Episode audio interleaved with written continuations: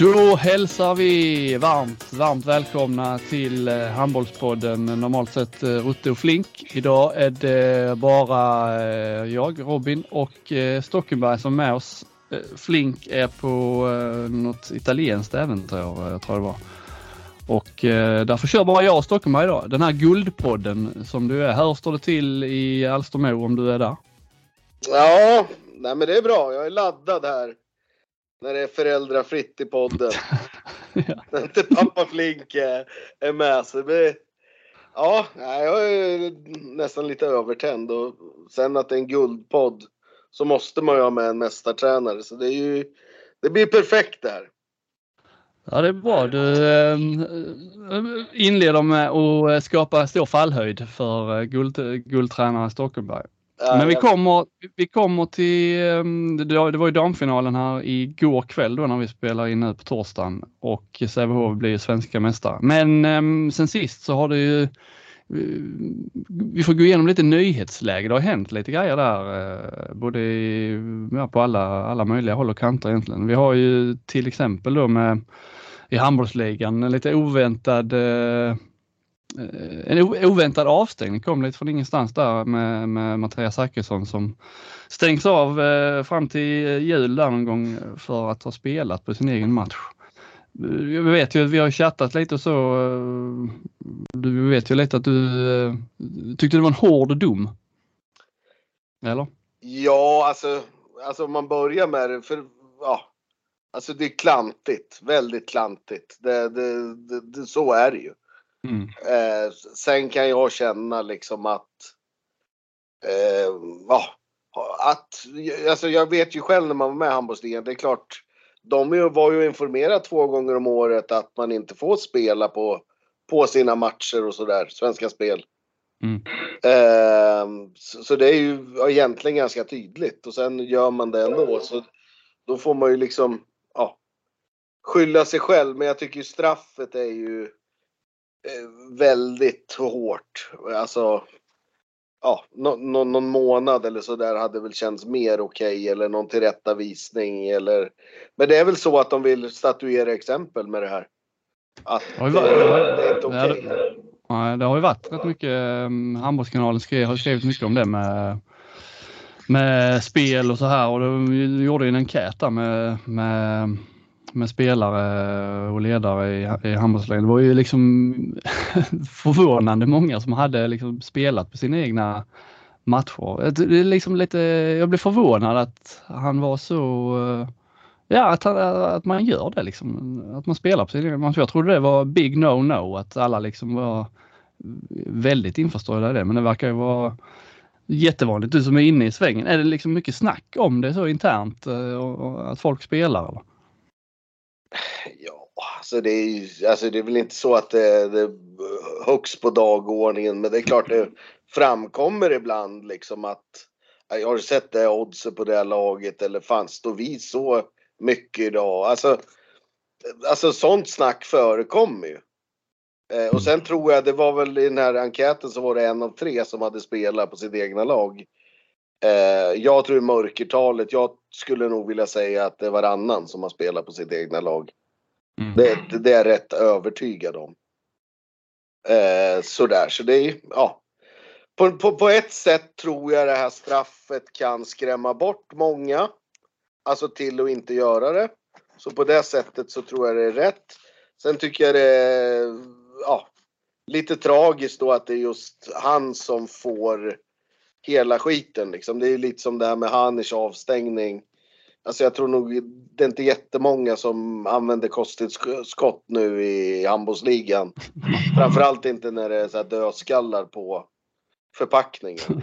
Så, nej men, ja, du förstår. Jag, jag, jag, jag, tror inte det är jättemånga nu som, som spelar på grund av att straffet blev så tufft. Men eh, man läser ju man läser lite så argument för och emot där med, ja, men, vissa menar vad gör det, vad gör det om man spelar på sina egna matcher? Det kan väl inte bli liksom tal om läggmatcher, men det, det, är ju ändå lite, eh, det, risken finns ju alltid liksom. Eh, ja, om man klart, möter alltså, sämre lag så man säger till dem och lägg er så vinner jag och så Då delar vi på pengar. pengar det, ja. ja. precis. Så det är ju, ja, nej, jag tycker det är en självklarhet och det är jag tycker det är bra att man alltså tar tag i det där för jag tror att det är ett jävla, alltså, ja, jag tror att det är ett stort problem. Och det tror jag är inom alla idrotter. Eh, just det här med spel på matcher. Alltså, mm. eh, så, så, är det ju. Alltså, det, det vet jag ju att det är. Så jag tycker väl, alltså på ett sätt så är ju det bra att man tar tag i det men straffet tycker jag känns väldigt tufft liksom. Samtidigt som, man, samtidigt som man får skylla sig själv lite också. Jag läste någon artikel med, de, eh, med motiveringen till avstängning. Där de, det, det kunde ju blivit mycket, mycket längre och det kunde blivit kortare och de hade liksom dividerat det så de, de var nog inte helt lätt heller. Jag vet inte riktigt var jag, var jag ska landa, om det är för tufft eller för, för milt. Men det känns inte som att hela hans tränarkarriär är förstörd för att han uh, får stå över uh, under hösten här i alla fall. Nej, nej, jag tror han, han reder sig där hemma i Eskilstuna och har kanske har förmodligen lärt sig en läxa liksom. Ja. Um, ny, när det gäller nyhetsläget så verkar det ju liksom av allt att döma också som att uh, Jonas Willeblad, ny förbundskapten eh, för Norge. NRK uh, eh, skrev här igår då, onsdagen att uh, de hade bestämt sig för honom. Eh, det var ingen i Kristianstad som vill bekräfta det, varken Jesper Larsson eller eller Jonas Ville, men eh, allt talar väl eh, för det nu. Christian Källing gick ut och sa eh, till TV2 där eh, att eh, han hade i alla fall fått nej och då, då finns det väl inte så många. Det kändes, ju som att det stod mellan Källing och Ville, eh, även om Apelgren kanske jag vet inte om han har smugit sig in där på ett hörn. Han vägrar ju erkänna att han hade sökt jobbet i alla fall, men eh, han, han, han måste ju varit upp för diskussion i alla fall. Ja men det tror jag nog att han eh, sådär. Sen eh, eh, jag tror nog ändå det på något sätt att det var lättare att lösa Ville. Mm. Eh, än Apel då. Sådär så. Nej men det är väl, det är, väl, det är en fantastisk chans för honom och, och sådär. Det är ju det är Kristianstad som blir i kläm igen liksom bara. Eh, det ska bli intressant att se nu vad man vad man hittar för lösning till det. Mm. Det, talade, eller det skrevs ju där i NRK att eh, Ville hade en utköpsklausul 750 000 kronor. Det, det, jag tycker det låter, eh, jag hade fått för mig att en sån klausul, jag tyckte det lät väldigt mycket. Alltså det måste ju vara mer, betydligt mer än vad de fick när de sålde både Olafur och, och Tater. Eh, det var, jag, jag hade inte varit så missnöjd i Kristianstad om jag hade fått eh, 750 000 för honom. Eh, är det inte mycket? Har du några utköpsklausuler? Nej, jag, jag, på skämt skrev ju till Uffe. Jag kostar bara 250 000 att lösa från Alstermo så det är bara att ringa nu. Ja. Jo men det skapar ändå lite även om det är liksom en tradig marknad nu så här sent att hitta nya tränare så så, och de, det, det är liksom allt man hör så är ju Stian eh, liksom långt upp på den där plan B de, de pratar om. Men det är 750 000 skulle de ju själva kunna köpa loss en tränare för. Eh, så att liksom det skapar ändå lite utrymme i plånboken. Ja, sen sitter de väl kvar med Vranjes lön. Ja, den är faktiskt avbetald. Eh, för, ja, de, eh, en klumpsumma vet jag. Eh, så den, den är faktiskt borta. Men det kostar det. Ja, det kostar mer än det smakar där. Men alltså det, det är ju faktiskt, det är ju, jag har aldrig hört något 750 000. Det är ju väldigt dyrt. Alltså, mm. det, det jag har hört i handbollssvängar det är bortåt, ja vad är det, 300 000 är det nog det mesta jag har hört. Någon har köpt en spelare för och sådär. Men så det är ju, ja, det är intressant. Men det ska ju bli ännu mer intressant vem som, ja, vad de nu väljer för väg Kristianstad. Ja, om vi säger att eh, de, de, eh, vi har ju skrivit att eh, snacket, eh, jag hade väl inga, eller vi hade väl inga liksom, uppgifter om att Bokvist var högst, att han var liksom prio ett, men det var ju liksom snacket i Kristianstad gick att Bokvist var eh, klar och ja, det fanns ju en logik i det. Han var ju var ju deras första val innan de anställde Ville eh, som Bokvist lät väl inte sådär supertaggad själv när jag pratade med honom. Men det är ju han och Stian som har förekommit och, och Stian eh, liksom ja, det är liksom ett logiskt val. Lämnar Malmö fri, fri och gå var han vill. Hade säkert velat, velat komma hit. Eh. Samtidigt känns det ju liksom inte som det absolut mest spännande valet med, med Stian. Nej, det gör det ju faktiskt inte. Han har ju inte riktigt fått till det i Malmö där under sina säsonger. Sen givetvis, de har väl varit ett hyfsat topplag, men de har ju också haft material och en kostnad i truppen som att de ska vara topp tre varje år. Eh, och det har de ju inte varit. Eh, men det känns lite så att eh, Kristianstad inte ens kan välja de tränarna de vill utan det, det liksom blir lite mellanmjölk. Att, ja, men han är ledig och han är stabil. Och, men, men det är egentligen inte det här vi vill. Så det är ju... Ja, om jag skulle vara Stian. Alltså man vill ju själv som tränare att ja, men den här klubben vill verkligen ha mig. Jag är ett första val. De tror på min, min filosofi, min ledarstil, min... Nu om det skulle bli han så är det ju mest ja men vi tar han för han är ledig liksom. Mm. Uh, sådär, det, det kanske skulle bli skitbra, det vet inte jag men det känns ju inte som någon färgstark person som liksom som man måste vara om man har IFK Kristianstad.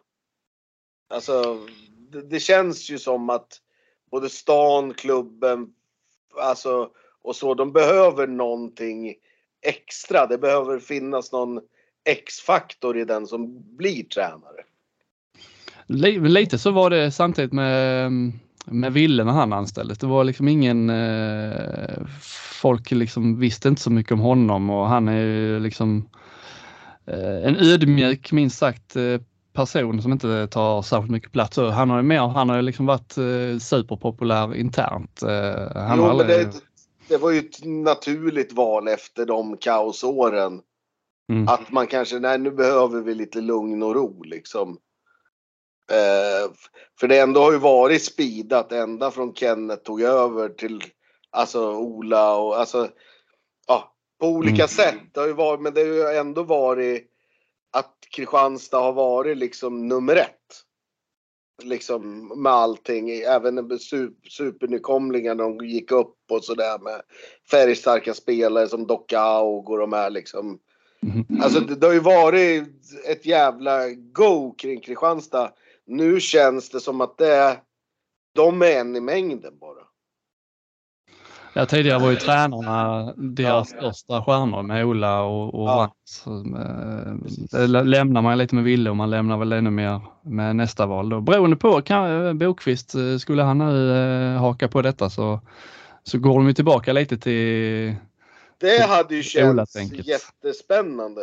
Eh, och där har väl, alltså, han har ju visat sig vara jätteduktig Bokvist på, på landslaget och jätte, ja, populär bland många spelare vad jag har hört också. Så. Men ja, när han själv har haft lag så har det inte gått så där fantastiskt bra med AIK. De till och med liksom, ja, ja, ja eller Rick och, Rick och AIK där. Det var ju inget vart ju ingen toksuccé liksom. Mm. Eh, inte med Västerås heller där så. Jag minns honom mest eh, för den här intervjun han gjorde med radio när ja. han eh, konstaterade att eh, Gomer skulle aldrig döma hans lag igen. det vill man gärna liksom testa den. Det, det Nej, men, men, men, samtidigt så tror jag han har sån respekt och sån liksom att det skulle ändå det, det, det skulle passa in i Kristianstads bild. Alltså deras ja, så som de vill bli sedda. Mm. Uh, så det hade ju för, för min del så hade det känts mer spännande med Bokvist än Stian.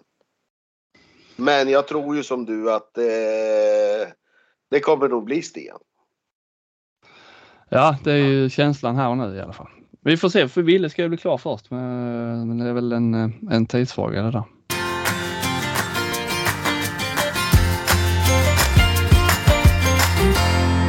Nu är det ju så att vi har eh, vår första guldmedaljör. Sävehof besegrade Skuru, vinner med 3-1 i matcher. Eh, Sävehof led, eller Skuru ledde ju med 1-0 i matcher. Sen, sen dess var det väl egentligen aldrig något snack, även om det nu igår stod eh, oavgjort i paus.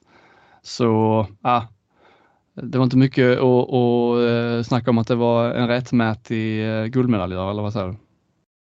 Nej, det var ju, ja efter match 1 så har det inte varit något, något snack utan Sävehof på något sätt eh, manövrerar ju ut alla Skuru styrkor till slut. Jag tyckte efter första matchen där, då lät de Skuru springa där precis som de har gjort under, ja, under två säsonger nu. Men sen efter den matchen så kändes det som att Sävehof hade bestämt sig att nu ska vi börja trasa sönder dem och nu, nu ska vi verkligen lägga energi på att döda deras styrkor och det, det lyckades man ju med. Alltså, det kändes ju här i andra halvlek igår som att ja, det var, det var kvinnor mot flickor liksom. Eh, man kan ju inte direkt anklaga, de kan inte ha så mycket liksom no regrets. Alltså de, de testade ju verkligen allt. Ja. Alltså tittar man försvarsspel så har de ju kört allt, alla sifferkombinationer man kan nästan. Nu körde de lågt 6-0 igår och det gick ju rätt eh, bra liksom oavgjort i paus och så. Men nu, för det fanns väl inte så mycket kvar i verktygslådan att testa? Nej, nej och det är ju Alltså det är ju egentligen så här om man tittar spelare för spelare materialmässigt och vad det kostar liksom. Sävehof startar med fem, fem av sju är från utlandet liksom. Mm. Eh, plus Jamina då som är kanske världens bästa vänsternia. Så, så är det ju den här skillnaden det ska vara.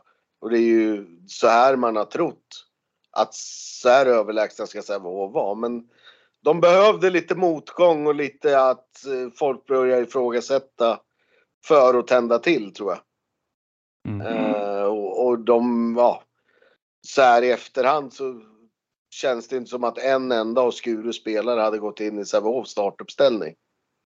När man efter de här tre matcherna man har hyllat Alexander Bjärenholt och Matthijs och de Jong. Men ja, vilken spelare i Sävehof skulle du ta bort? Nej. Om, alltså det, så är det ju. Målvakt och Nordström har ju varit, varit bra och sådär men Börjesson var ju klasser bättre.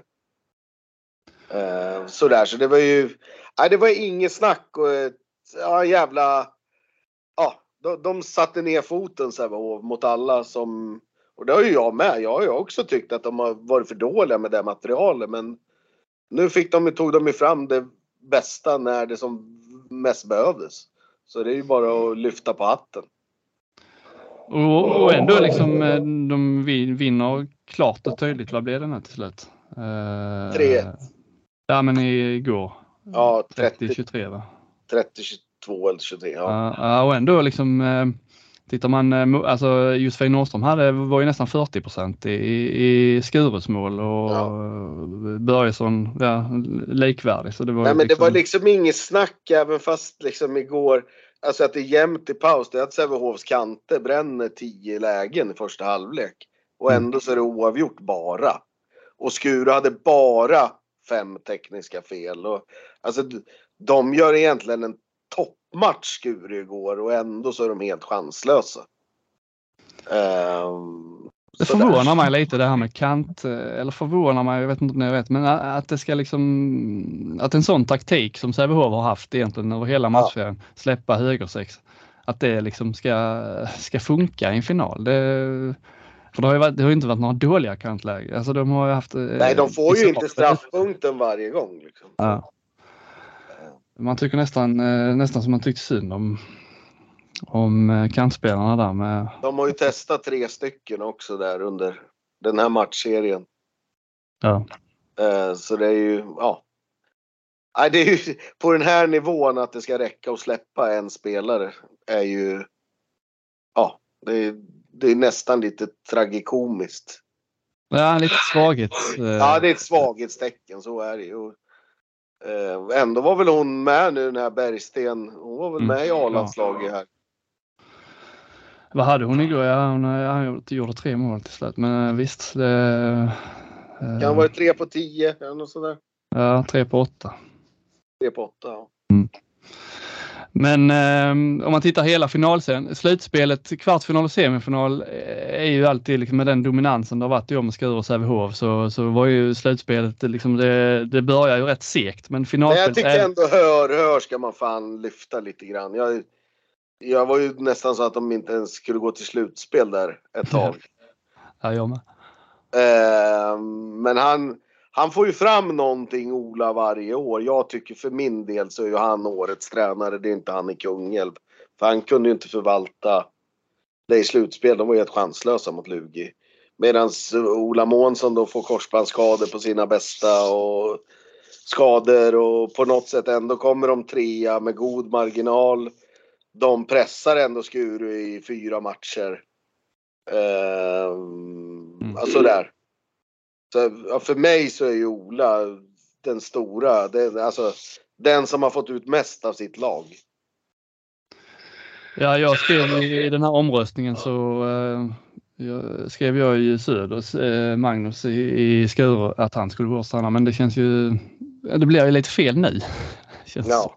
Nej men samtidigt, han har ju gjort allting rätt fram, alltså det är inte hans fel att de förlorar.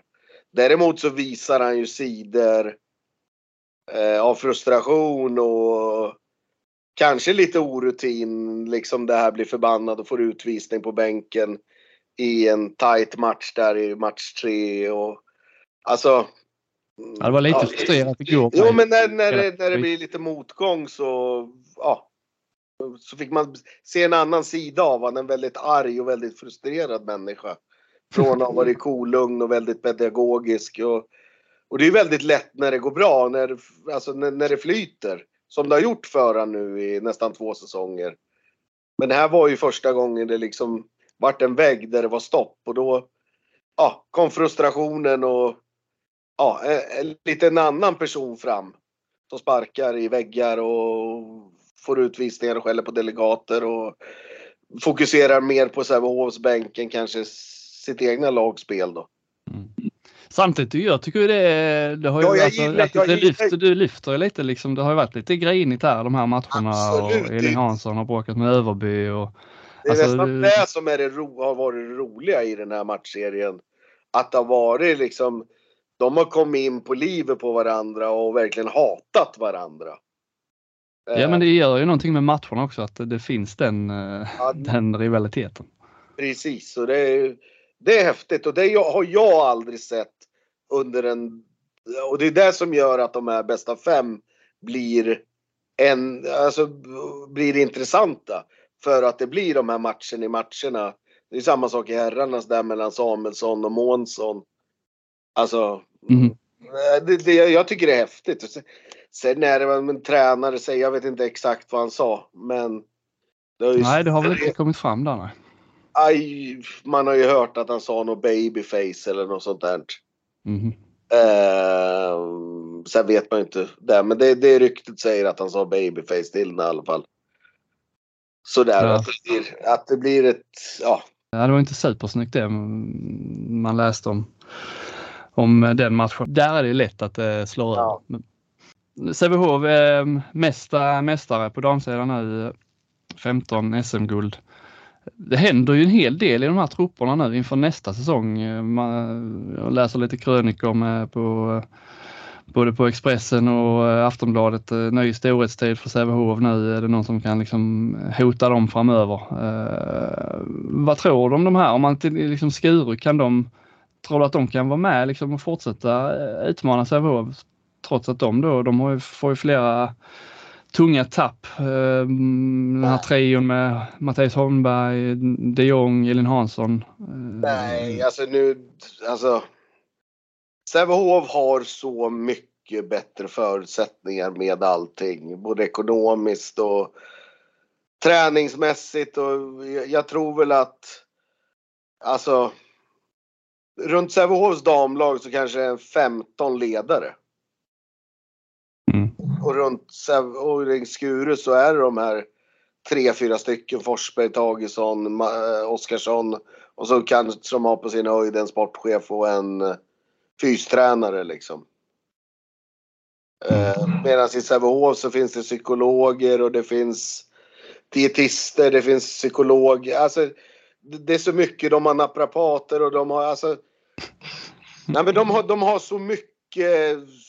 De har ju allt förspänt liksom med, med allting. Alltså, går Kopang sönder eller hon får någon eh, propp i lungan. Ja då värvar man in en dansk stjärna eller en dansk spelare som håller bra nivå. Likadant på högersex, Lundström drar korsbandet.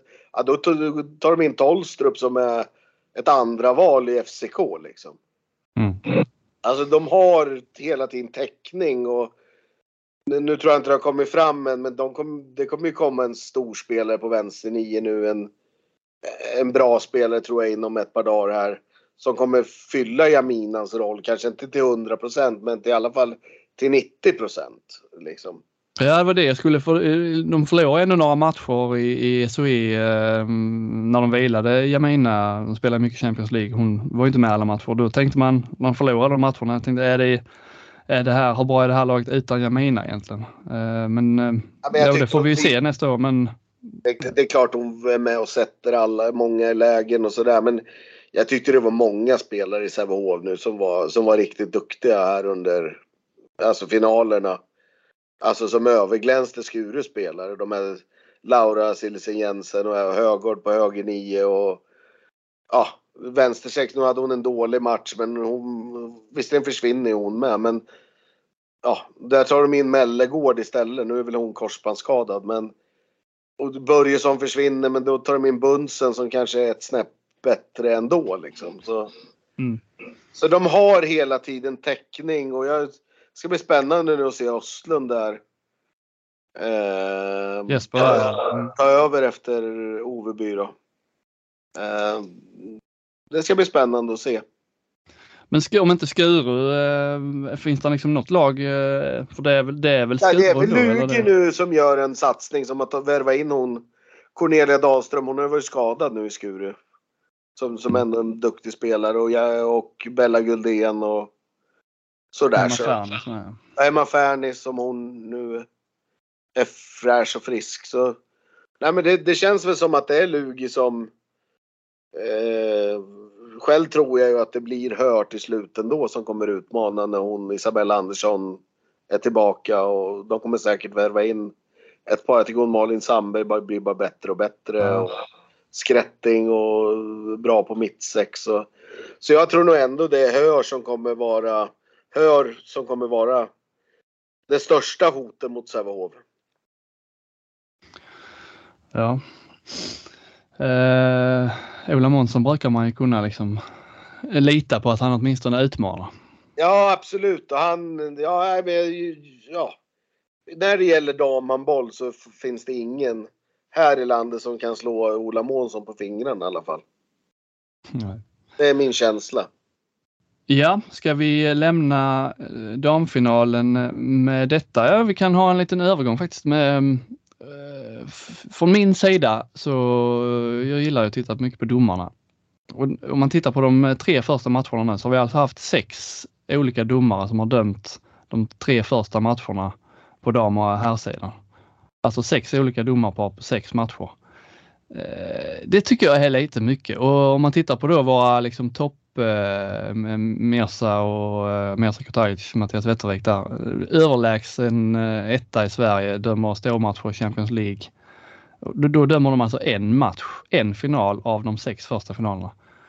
Det, det tycker jag är lite eh, mycket och det, jag tycker det märks också eh, i matcherna, kanske framförallt då på här sidan som vi ska komma in på nu, att eh, med Alltså det är så olika nivåer. För, det måste vara skitsvårt att spela och vara tränare när man liksom inte vet, vi vet riktigt hur tufft kan vi spela. Vi har massor med utvisningar. Uh, ibland får det... Nej, men om man, om, man tittar, om man tittar så här, de här tre domarparen som har dömt. Alltså jag känner ju dem utan och innan. Så är det ju så, om du då börjar den första matchen med Kurtagis Vättervik. De är ju sådana, de går in direkt i matcherna. De markerar här när nivån gäller idag. Och accepterar lagen det då blir det inga utvisningar. Accepterar inte lagen där, då tar de för allt. Mm. Eh, och sen håller de den nivån. Eh, sen kommer Winberg eh, Johansson, andra matchen. Eller? Eh, Gomér va? Ja, Gomér, Gomér. Gomér-bröderna. Eh, de tar för allt. Alltså, de blåser på allting hela tiden. Ser de en felaktig spärr så blåser de. Alltså, de, de, de blåser helt enligt regelboken. Med allting. Kanske därför då är Stenman fick sitt första röda för säsongen. För ja, ja, men de, de blåser. De har liksom inte den här riktiga känslan att nu är det SM-final. Nu måste vi snäppa upp. Nu måste vi vara tydliga från början. Utan de kan blåsa att någon spelare står utanför banan och sådana där, alltså såna där oviktiga saker som bara skapar huvudbry hos både spelare, domare och publik. Så att de gör allt för att få dom, eller publik, spelare och ledare emot sig. Det är min känsla när de dömer. Att de, de blåser vad som står i reglerna hela tiden. Visserligen kanske det är rätt men det blir oftast en väldigt uh, tråkig rytm i matcherna. Ja, det blir liksom lite mycket avblåsningar. Jag kan känna att det var det också i den tredje matchen med Cambro och Klick och där. Att det liksom, det ja. behöver, behöver, man kan ju liksom, även om det, man ser saker som enligt regel, man behöver liksom inte leta efter re, regelfel utan man kan ju liksom. Nej, precis. Nej, men det är som du säger, det måste vara oerhört svårt. Som, jag, jag säger det, kanske inte att något av domarparen har varit dåliga i de här matcherna. Nej, det har liksom inte tappats eh, helt. Nej, det, alltså, så... det, är inte så, det är inte så jag säger, men nivån blir annorlunda.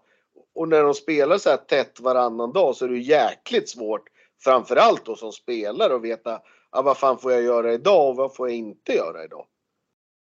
Och så ska man gå där i 40 minuter och knappt veta och sen, ja, sen helt plötsligt sista 10, då, då går det knappt att få utvisningar.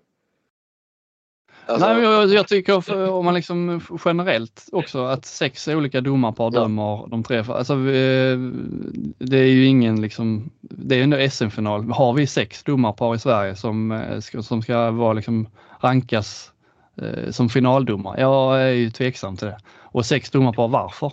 Alltså det är ju, alltså, det är ju ingen social eh, verksamhet att vara elitdomare. Och nu är det ju inga andra kupper och sådär. Jag tror inte Kurtagic, Wettervik, alltså de ska ju döma varenda match i, ett final, i en finalserie.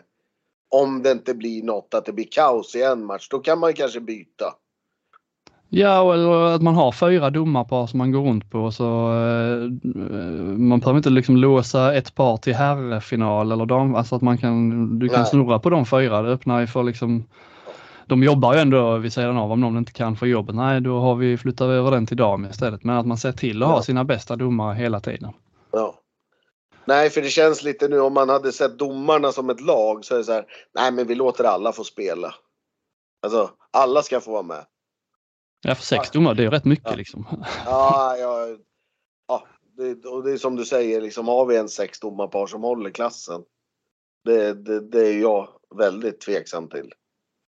Ja, nej, jag, jag, jag, tycker, jag tycker att man ska ha. Ja, men alltså, de, de, i final då är det de bästa spelarna. Då ska det fan vara de bästa domarna med. Mm. Uh, det, det är vad jag tycker. Sen är det ingen av de här nu, de här sju finalerna som jag tycker har varit riktigt dåliga. Det är inte så att jag...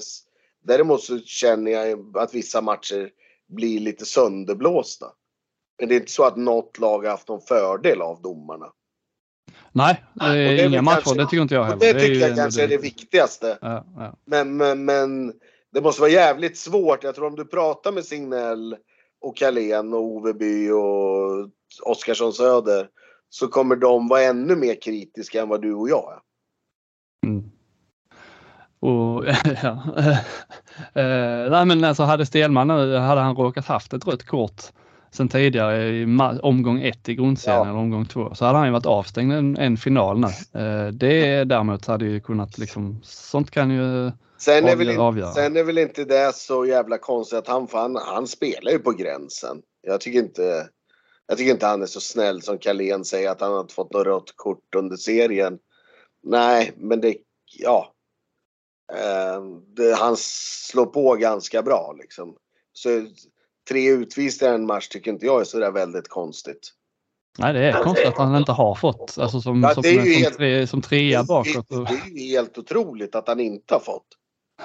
Det är ju snarare där man är mer än att han får ett rött för tre utvisningar. Att han under 26 omgångar inte har fått det. Mm. Liksom, då kan ju inte domarna ha riktigt varit med. Eh, om vi ska gå över till, ja nu kan ju Ystad spela hemmamatch eh, i eh, fredag, fredag kväll då när ni lyssnar på detta. Eh, kan avgöra. Måste, innan vi börjar, jag måste ändå säga, jag, jag gillar det här med Seymour. Jag trodde ju inte att de, nu när det har gått över till fem matcher, att de skulle pumpa på eller blåsa på för fullt med studiosatsning och liksom två man i studio, två man eh, som kommenterar. Att de skulle göra det i alla matcher, både på dam och här det gillar man ändå för det, liksom, det har varit jävla proffsiga sändningar från samtliga finaler, både dam och herr. Det gör ja. ju någonting när man tittar på det att, uh, alltså att det lyfter ju allting. Det måste de vara ja, nöjda med begränsningen med. De... Grymt bra alltså. Jag har ju varit lite kritisk mot Charlie och hon Linnell men nu sen Sävehofs herrar åkte ur så är ju Charlie jätteduktig. Han är ju bra liksom. När han inte har de här kompisrelationerna så tycker jag han är fantastiskt bra liksom. Han är nog fan en av de bättre experterna i, alla idrotter egentligen. Med påläst och, och sådär liksom. Det var jag Sen kan tänka mig att det var det man var lite rädda för också ehm, från alltså, ledningshåll i handbollsligan och SOE. Att Mm. innan har det varit en final storsatsning från TV. Hur ska det bli när det är fem matcher? Men det har ju verkligen varit. Ja, Öysta, eh, Skövde var vi på. Mm. Eh, Ystad har matchboll men eh, sett till hur liksom slutspelet i stort har varit och den här matchserien så eh, verkar det inte vara någon som helst fördel av att spela hemmamatcher längre. Uh, tror du att, att den liksom trenden vänder nu här, att de sopar hem det? Som sagt, jag tippar ju 3-1 i Ystad med ironi. Ja, du var väldigt, ja precis, med ironi. Och efter när, alltså jag, jag, jag jag har ju trott fel varje match hittills. Alltså första hemma i Skövde tänkte jag det vi kan inte Skövde torska liksom i en full hemmahall. Och så går Ystad och vinner där och sen tror man ju, sen Ystad hemma. Nej nu så Skövde liksom, nu ska de kunna åka ner till Ystad och vinna. Och så gör de det och sen tredje då, ja nu måste väl ändå hemmaplan, nej. Då leder de med 21-16 och så torskar de med eh, 4-5 bollar ändå liksom. Är jättekonstigt. Men det är ju, alltså, det är ju den målvakt som vinner matchen. Det laget vinner matchen. Ja, de, eh, där har man ju verkligen, det har verkligen varit liksom, eh, ja fast ändå, alltså när eh, Norsten var ju bra, då var ju Wenfeldt också bra, men han, han var ju som du var inne på sist med att Norsten var ju bra i rätt läge, alltså hålla nollan i en, i en förlängning är ju svårtoppat. Som ja, målvakt. Då, då är det ju svårt att förlora i alla fall.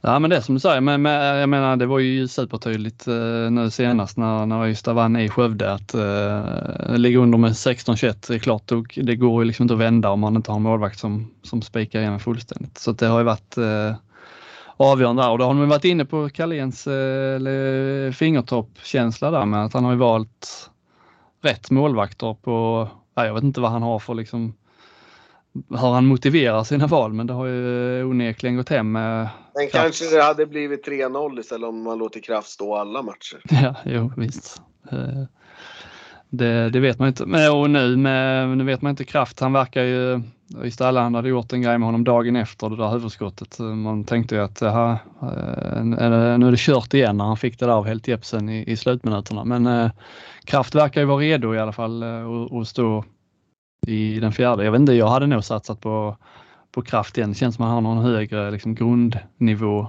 Ja, det var väl där när vi spekulerade innan den här finalserien. Vi tycker väl att Skövde kanske är ett bättre lag om man ser helhet och sådär. Men att Ystad har lite bättre målvaktsspel och det har ju varit så.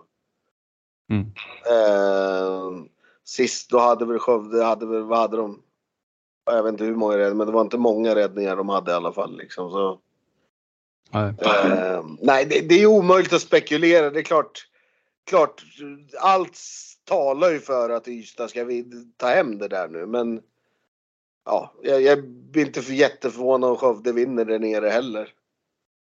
Det känns som att det är lite dagsform allting. För de är så pass jämna lagen.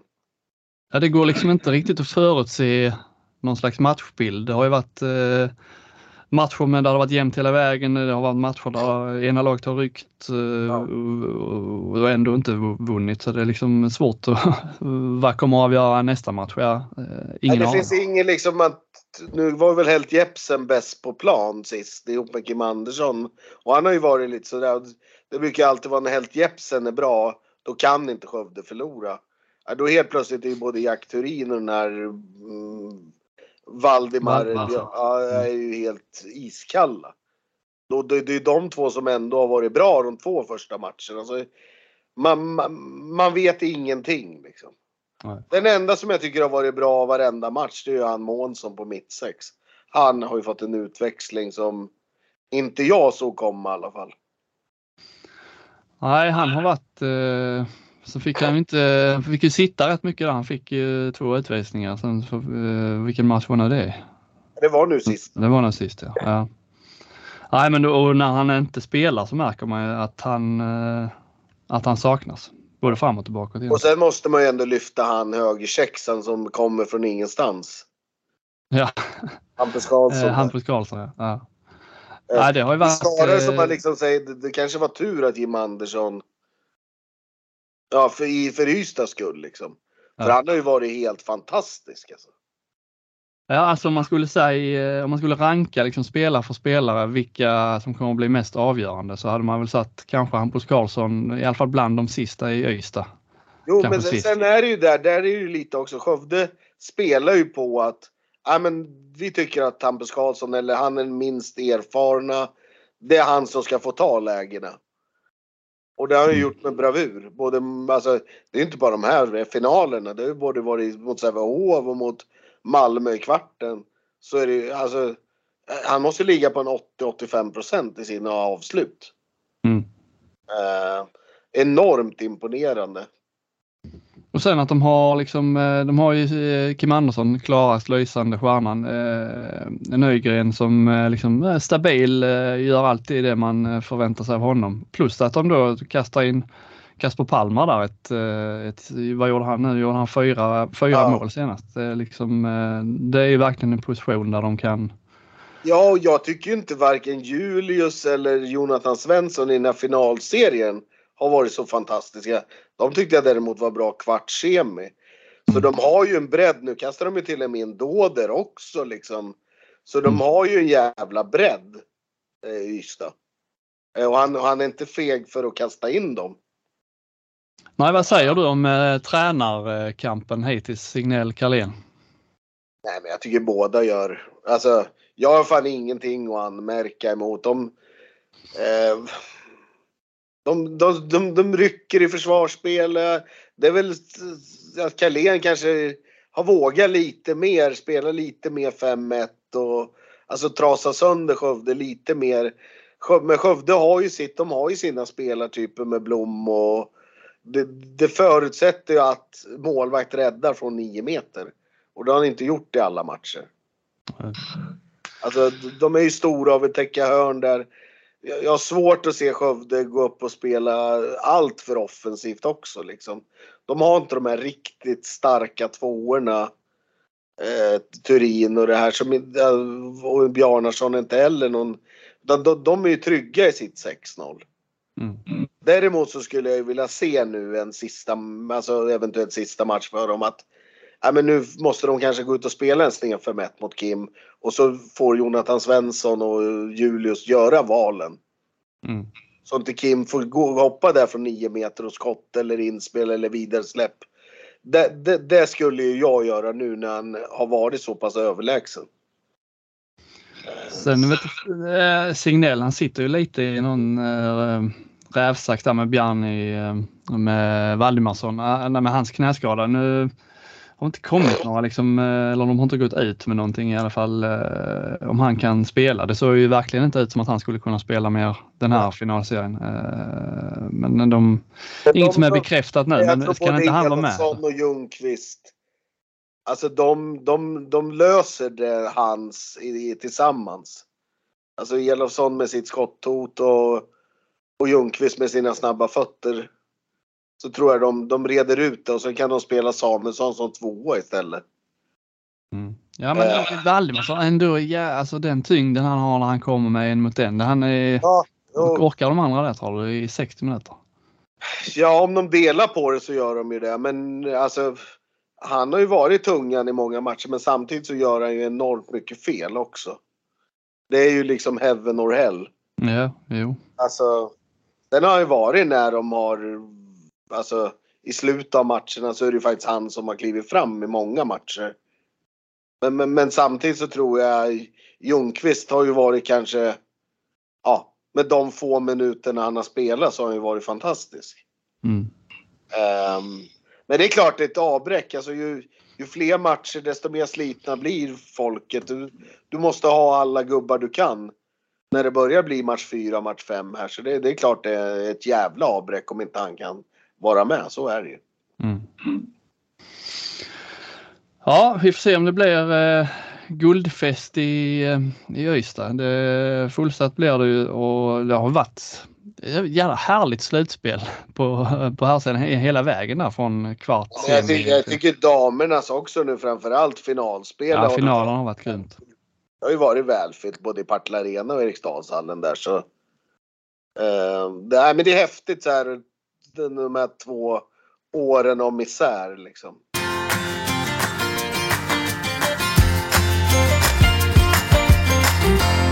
Jo, vi, vi hade en liten chattgrupp här. Flink var också med. var lite trist han, eh, trist han inte kunde vara med tyckte han själv också. Men vi, vi snackade lite där om ja, dels gamla minnen och gamla, gamla profiler och profiler i allmänhet. Sen hörde jag eh, Filip Fredriks podcast där de pratade om eh, um, att, uh, vad heter han nu, idolprogramledaren, Per Lernström, att han hade vunnit pris som årets uh, profil på någon sån här programledargala. De sågade det valet fullständigt för de uh, tyckte inte att Per Lernström är ingen profil. Han är liksom gedigen på det han gör, bra programledare, men han är ingen, liksom, ingen profil. Han har inte den här X-faktorn. Och lite, vi hamnade där i vår diskussion med profiler i handbollsligan, kanske framförallt eh, vilka är profiler? Är det de bästa spelarna? Inte nödvändigtvis alltid. Och eh, ja, vi landade, vi landade liksom, om, om jag skulle ta fram ett gäng profiler i handbollsligan, vilka är de största profilerna just nu då? Eh, du, du vill gärna titta lite längre tillbaka. Men, men om man tittar... ta de, nu, de som är nu och jag tar de som har varit här de sista 10-15 åren. Ja. Ja, men om man tittar nu som, eh, om man tittar på den här finalserien. Eh, Öysta-Skövde. Hur många profiler är där? Vad är det liksom? Eh, det är rätt, en bra måttstock är ju liksom TV. Vilka, vilka fokuserar de på? Eh, när det gäller profiler. Vilka lyfter de fram? Ja, eh, mest har det faktiskt varit Rasmus Vremer. Fast han ja. spelar. Ja, faktiskt. Ja, han, han, är, han filmas hela tiden på läktaren. Han intervjuas om eh, sina trädgårds, sitt trädgårdsarbete. Han är tatuerad, det är alltid ett plus i sådana här fall. Och så han truckers keps hade han en. ja. Ja, eh, alltså, som, i min värld är ju liksom Rasmus Vremer är kanske en av de stora profilerna. Det är ju rock'n'roll. Ja, det är han, liksom hade, han hade jag faktiskt med bland mina fem jag har tagit ut ja. genom, genom åren här nu. Liksom man har varit med i handbollsligan och mött och sådär.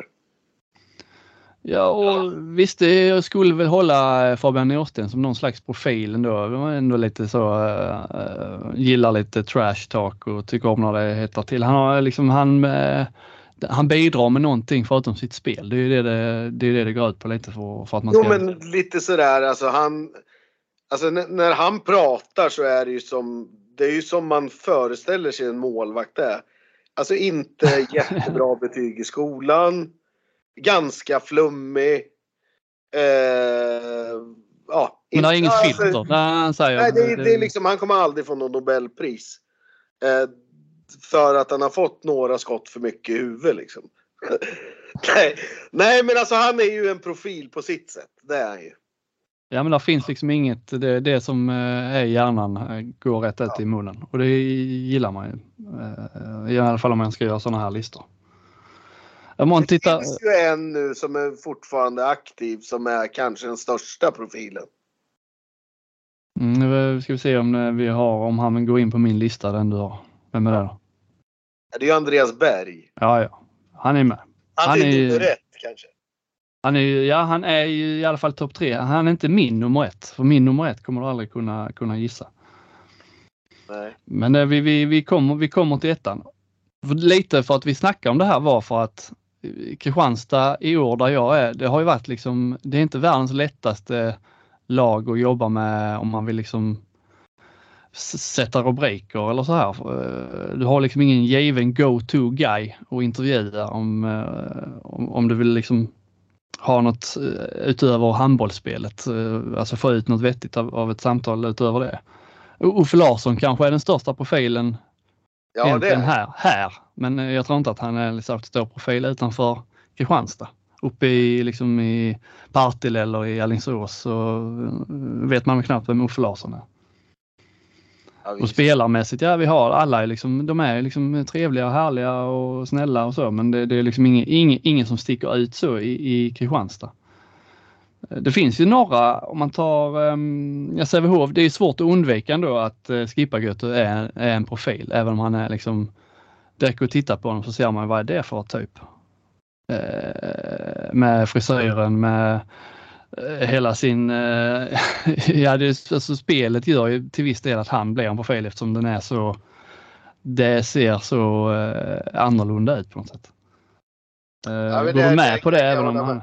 Han är ju mer alltså för hans spel än hans alltså, bildskönhet eller sina stora rörelser. Eller, alltså, det är ju för, han, hans handbo- för att han är en handbollskonstnär.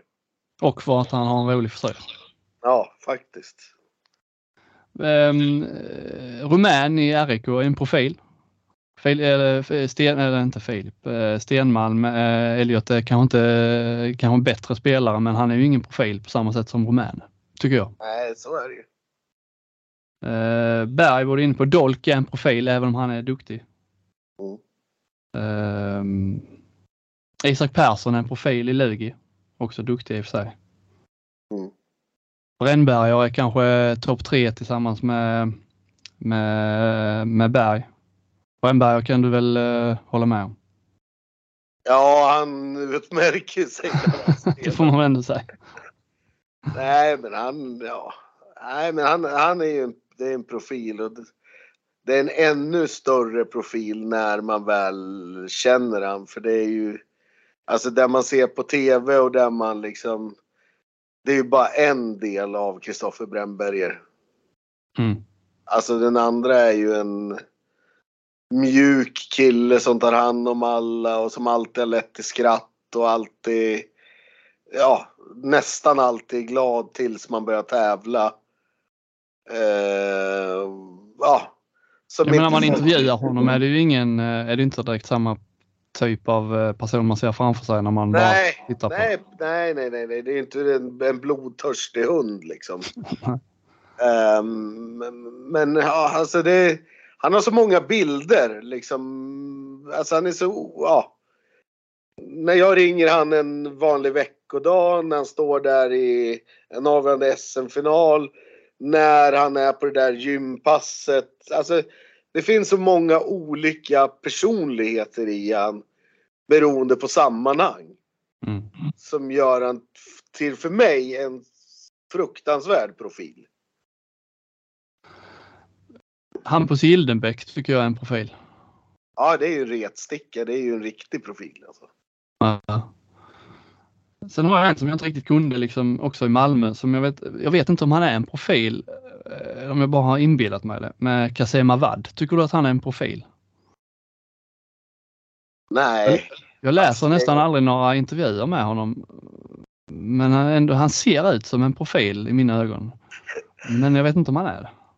nej, nej, det är ingen sådär jag känner. Alltså som tilltalar mig på någon sån här profilgrej faktiskt. Vem tycker du är den största tränarprofilen i handbollsligan? Eh, trän. Alltså den största profilen är Mark God. ja, det var den enda jag hade också. Ehm, Men det jag vet, Alltså- det- Alltså Mikael Apelgren är ju en, alltså han har ju också en alltså också den lilla auran liksom att han. Ja, han, löj, han är lite självlysande Apelgren. Eh, man, får, man börjar liksom lyssna på honom. Mm. Så vet jag inte om han... Nej, men han, han kör ju så här knivhugg mot motståndare och alltså mot domare, alltså i Alltså mellan raderna hela tiden. Mm. Alltså sådär. Det är samma när han står och coachar liksom hur han pratar och liksom. Han gör det på ett snyggt sätt. Psykar liksom. Ja. Ja men för, och för, för, för, för, två, tre, fyra, fem, sex år sedan så hade ju Bagan varit min absoluta största tränarprofil. Eh, för att han liksom eh, Ja men just det här, jag gillar ju det men det har jag sagt innan med att han liksom ifrågasätter frågorna hela tiden. Han har aldrig, har aldrig varit nöjd med en fråga som en journalist har ställt till honom, eh, verkar det som. Men han, han har lite låg profil. Eh, jag skulle inte säga att han platsar på listan nu. Nej, men det är ju för han har insett att han hade ett av Sveriges sämsta lag. Alltså, eller handbollsligalag. Ja, lite, lite så. Han har fått lida för det. Alltså när, han hade, när, när man hade Sävehofs herrar när de var och Sävehofs damer och RIKs herrar. Då, alltså när man visste att man skulle vinna. Det var ju, då var det ju lätt att liksom ja, vara lite spel för galleriet liksom. Mm. Uh, Tittar man bara lite på, på damsidan med så det är ju svårare där delvis då. Det är ju liksom vårt fel uh, i mångt och mycket media. Det är liksom lyfts, det är lite svårare att komma igenom bruset. Ja men Ola Månsson är ju en profil. Ja, ja, ja, men han är ju också en, en man. Så det, ja.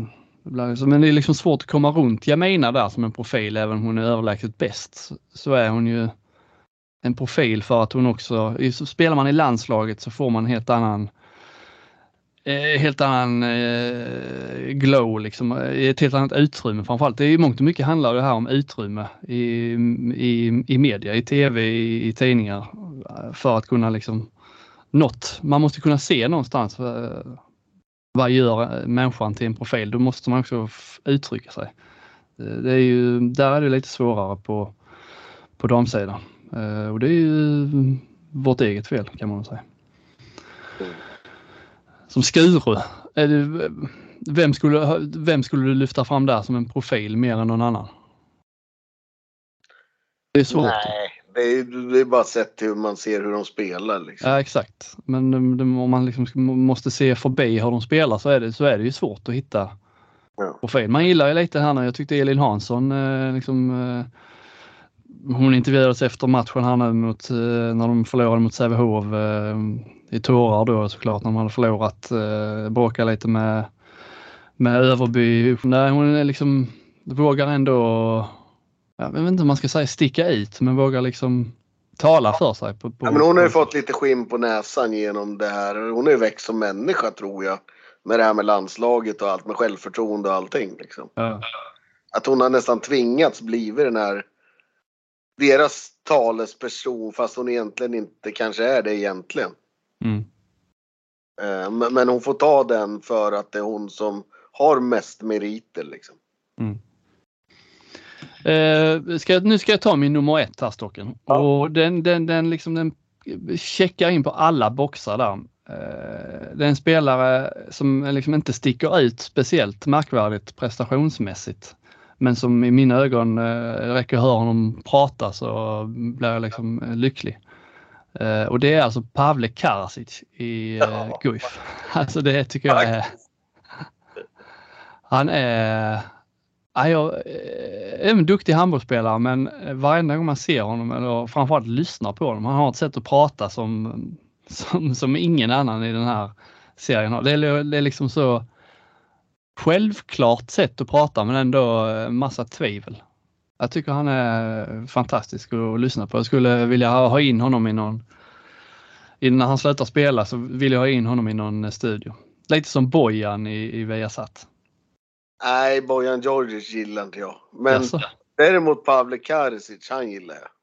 Ja visst är det en, det, där har vi, där snackar vi en riktig ja. profil. Ja det är profil. Det, det, ja, han är urtypen av hur en profil ska vara. Ja. Ja man, man får liksom inte vara för bra heller. Nej. För, för då, är liksom, då, då är det så givet på något sätt.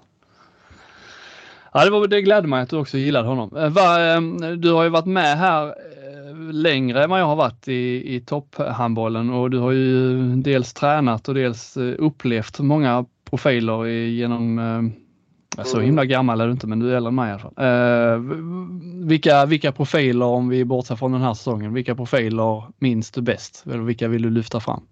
Nej men alltså, jag har ju spelat, eller jag har ju tränat några och sen har jag ju några som man har upplevt när man kommer till deras bortaplan, vilka jävla stjärnor de är liksom. Mm. Som jag tror inte man liksom förstår när man bara tittar på dem på TV och sådär liksom. Och när man hör snacket med domare och liksom. Jag kan väl ta några som jag tränar själv som, som jag rankar som, ja. Dels har vi Brännberg, han har vi pratat om. Men, men kanske den största profilen om man ser med allting och bohemen är ju Jonas Larholm. ja. Han är ju, det är ju en profil. Alltså, ja, det, har... verkligen fick man ju liksom i landslaget där när han kom, kom in där och man förstod vad det var för ja, typ, konstig typ. Nej men han pratar i gåtor och han Alltså han är ju precis så där som han är på TV när man, även när man är tränare mot honom. Liksom. Flummig. Nej men, nej men han, ja, nej men han, ja alltså det är så jävla svårt att sätta fingret på hur men precis, vill nyfiken, vill veta saker, har åsikter, han, eh, ja, han sticker ut. Han blir, alltså det finns väl inte på ett enda ställe där han är omtyckt förutom i Partille i Sverige. Nej. Alltså, och ändå så har han varit landslagsstjärna. Han har liksom tagit OS-guld och ändå så är han ju hatad av i princip alla. Han måste väl vara när man... När man Trots att eh, han inte spelar fult. Han liksom... Han har väl aldrig varit dum. Han spelar rätt grisigt sådär men alltså det är inte sånt så att det, det är en slagskämpe liksom. Nej. Men han är lite mer lite Gildenberg, lite retsticka och eh, drar sig inte för att förstärka när han får en smäll och drar sig inte för att ligga ner för att vet du, bryta matchbilder och i intervjuer så pratar han i gåtor liksom. Ja, men när man hör tränare eh, berätta om skillnad mellan träna dam och herrlag så brukar de ofta säga att eh, killarna eh, de bara kör, de ifrågasätter ingenting medan eh, damer liksom mer vill ha förklaringar och ja, ifrågasätter helt enkelt. Larholm slår, eh, verkar ju vara en typ som verkligen eh, inte passar in på den bilden. Han måste väl ifrågasätta en hel del. Han, ja men han, för han besitter sån jävla handbollskunskap. Så han vill bara veta hur jag tänker. Aldrig att han inte ska, men så där kan vi inte göra. Men han vill veta hur jag tänker för att han ska utföra, varför han ska utföra det. Ja. Eh, och det är ju en skillnad liksom. Han, alltså han be, behandlar liksom oss ledare och sånt. Även fast han egentligen 216 landskamper, spela i Barcelona, i Pixeged, Ålborg. Spela alla stora matcher på de stora scenerna. Aldrig att han någonstans nedvärdera mig då som jag var väl ingen, jag var väl ingen stor tränare egentligen liksom. Men han någonstans var nyfiken på hur jag tänkte och eftersom vi hade gymnasiet ihop och sådär så vart det ju mycket handbollsdiskussioner liksom. Mm. Och fråga mig liksom, för han vill ju bli tränare själv, hur man får igång ett lag och hur man liksom skapar det här hatet. För han sa, jag har aldrig spelat på hat. Jag har spelat för att jag, jag älskar handboll. Jag tycker handboll är så fruktansvärt roligt. Sen mm. finns det väl spelare jag gillar och inte gillar men det är inte det som triggar igång mig, säger han. Liksom. Utan det som triggar igång han mycket det är hur andra tänker och hur han tänker och så på något sätt lägger han ihop det i sitt huvud och så blir det sanningen liksom. Ja. Nej, det är för mig den största profilen jag tror jag har tränat. Ja. Uh, jag, har tagit, jag har tagit tre som jag har tränat, tre som jag inte har tränat. Mm. Uh, två är ju Glenn Andersson. som jag hade i Alingsås under två, tre år. Mm. Också en jävla profil. Men inte sådär att han... Eh, alltså... Nej, men han snodde tandskydd, han stod och retade, stod och nöp Fritzson i magen och frågade om han hade ätit för mycket chips. Alltså sådana där saker liksom. En Ja. retsticka.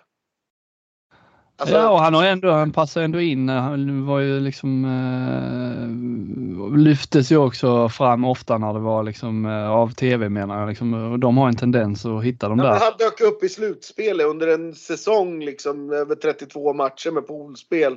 Var det ingen som tänkte på Glenn Andersson. Men när det väl vart slutspel då vart han i blickfånget liksom.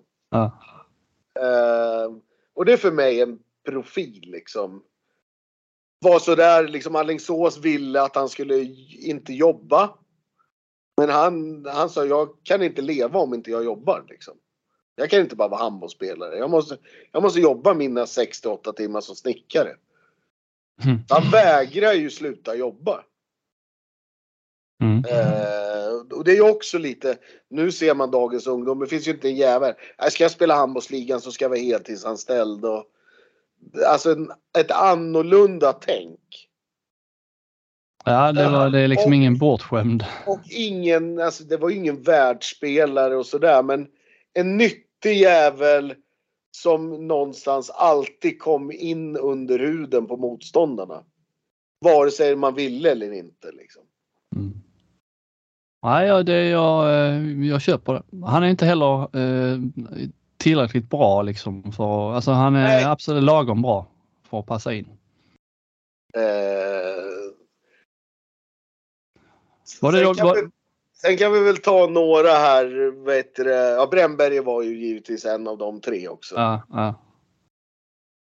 Eh, men då måste jag säga Jimmy Jansson i Gulf. Ja. Ja, jag, du har ju inte, du gillar ju de här, du gillar ju brötarna. Du gillar, eh, du, har Brännberg, alltså du har Glenn. Ja men de, Alex- är, de, de passar in också på, de, det är ofta de som, som, som blir de här busarna. Det är profiler. Ja, men han, bara det här hur han styrde domarna, styrde publiken, styrde allt i Eskilstuna Sporthall. Liksom. Allt från uppvärmningslåtar till när han gör, gör mål själv, liksom Ulf Lundell, oh la la, jag vill ha dig. Jag vill ha ditt, alltså det var hans måljingel liksom. Mm. Eh, sen har jag en som, ja, det, det, det är nog inte många som vet vem han är. Men han, när Trelleborg var som bäst, alltså eller när de var på väg att gå upp eller inte gå upp. Så hade de en mittsexa som hette Lars Fältskov. Ja men lyssna nu. Lyssna nu. Bara jag måste berätta varför han är profilen. Dels så alltid när man kom och mötte Trelleborg så stod han ute och rökte innan match. Alltså, ja, han, han stod och tokblossa. Alltså, eh, ja det kunde vara 40 minuter innan match. Ja, det kommer man långt på den romantiska bilden av eh, handbolls... Lars Fältskov, lyssna nu. Och sen eh, Trelleborg värmer upp. När det är en 20, kvart 20 minuter kvar till match. När typ domarna börjar lotta. Då kommer Lars Fältskov in. Alltså han värmer upp, alltså han värmde upp själv, helt själv. Eh, kom in kvart 20 innan, vi vevade lite på axeln, sprang två, tre vänder.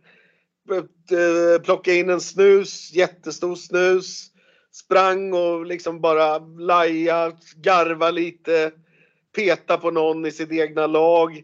Sen satte han sig och stretcha och så blåste domaren att man ska gå in och då går ju alla in. Då sitter han kvar, Fältskov. Och kör sin egna uppvärmning där med lite, ja, det var väl inte någon blodig uppvärmning. Sen är det inspring, då kommer motståndarna först. Och sen eh, kommer Trelleborg. Och sen en minut efter Trelleborg har sprungit in, då kommer Lars Fältskog. Han hade ett eget inspring. Så Alltså, det, ja, med publiken som var med på detta eller? ja, det vart ju en grej. Liksom att först kom motståndarna, sen kom domarna, sen kom Trelleborg och sen kom Lars Fältskog. Detta är, jag har, jag har tvingats googla här såklart för att det här, eh, ingen aning, men detta är alltså tidigt 2000-tal kan man säga? Ja, det kan man säga. Tränade, var det under Zanottis tid i Trelleborg eller? Han kan ha varit första året. Med Zanotti. Ja, jag ser ju honom här nu på bild. Han ser ju ut att stämma in liksom. Ja, och sen var han ju alltså typiskt dansk liksom. Han var ett, ett ärkesvin liksom.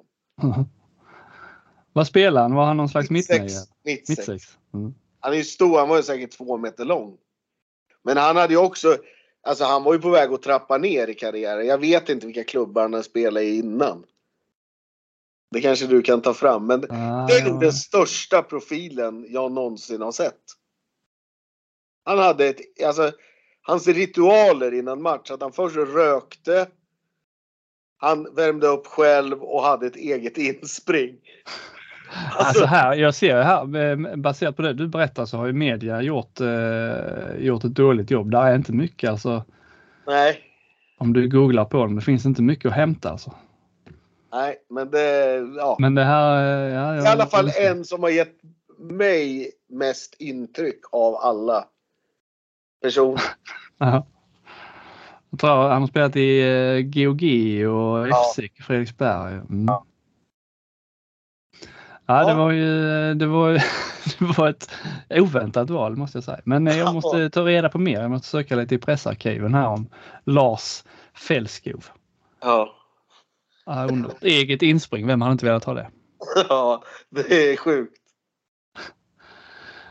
Ja, ja eh, det, var, det var bra. Hade du, var det tre där? Det var Glenn och, nej vilka var det du inte hade tränat med? Eh, ja, det var Jimmy Jansson, Lars Fältskov och sen vet du, har vi ju pratat om Andreas Berg.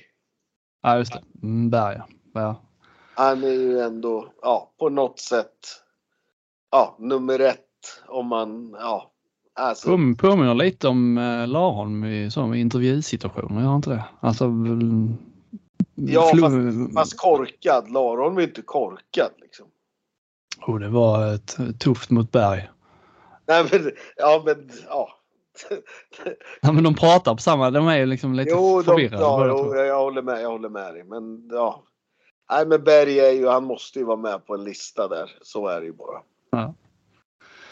Eh, det finns säkert tusen ja. andra profiler som jag missat men eh, ni får gärna skriva till oss och fylla på den listan. Eh, för Flink kan väl nog gärna vara med och lägga till några namn han också om vi känner honom rätt nästa gång. Och kan vi, kan vi förlänga den. Eh, annars ser vi väl fram emot eh, fredagskvällens eventuella guldmatch då nere i Ystad.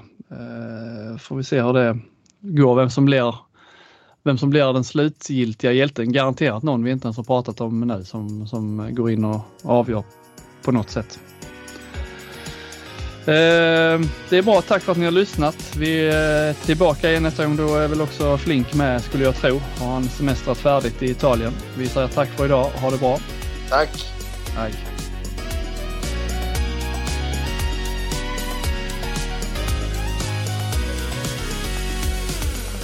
Du har lyssnat på en podcast från Aftonbladet.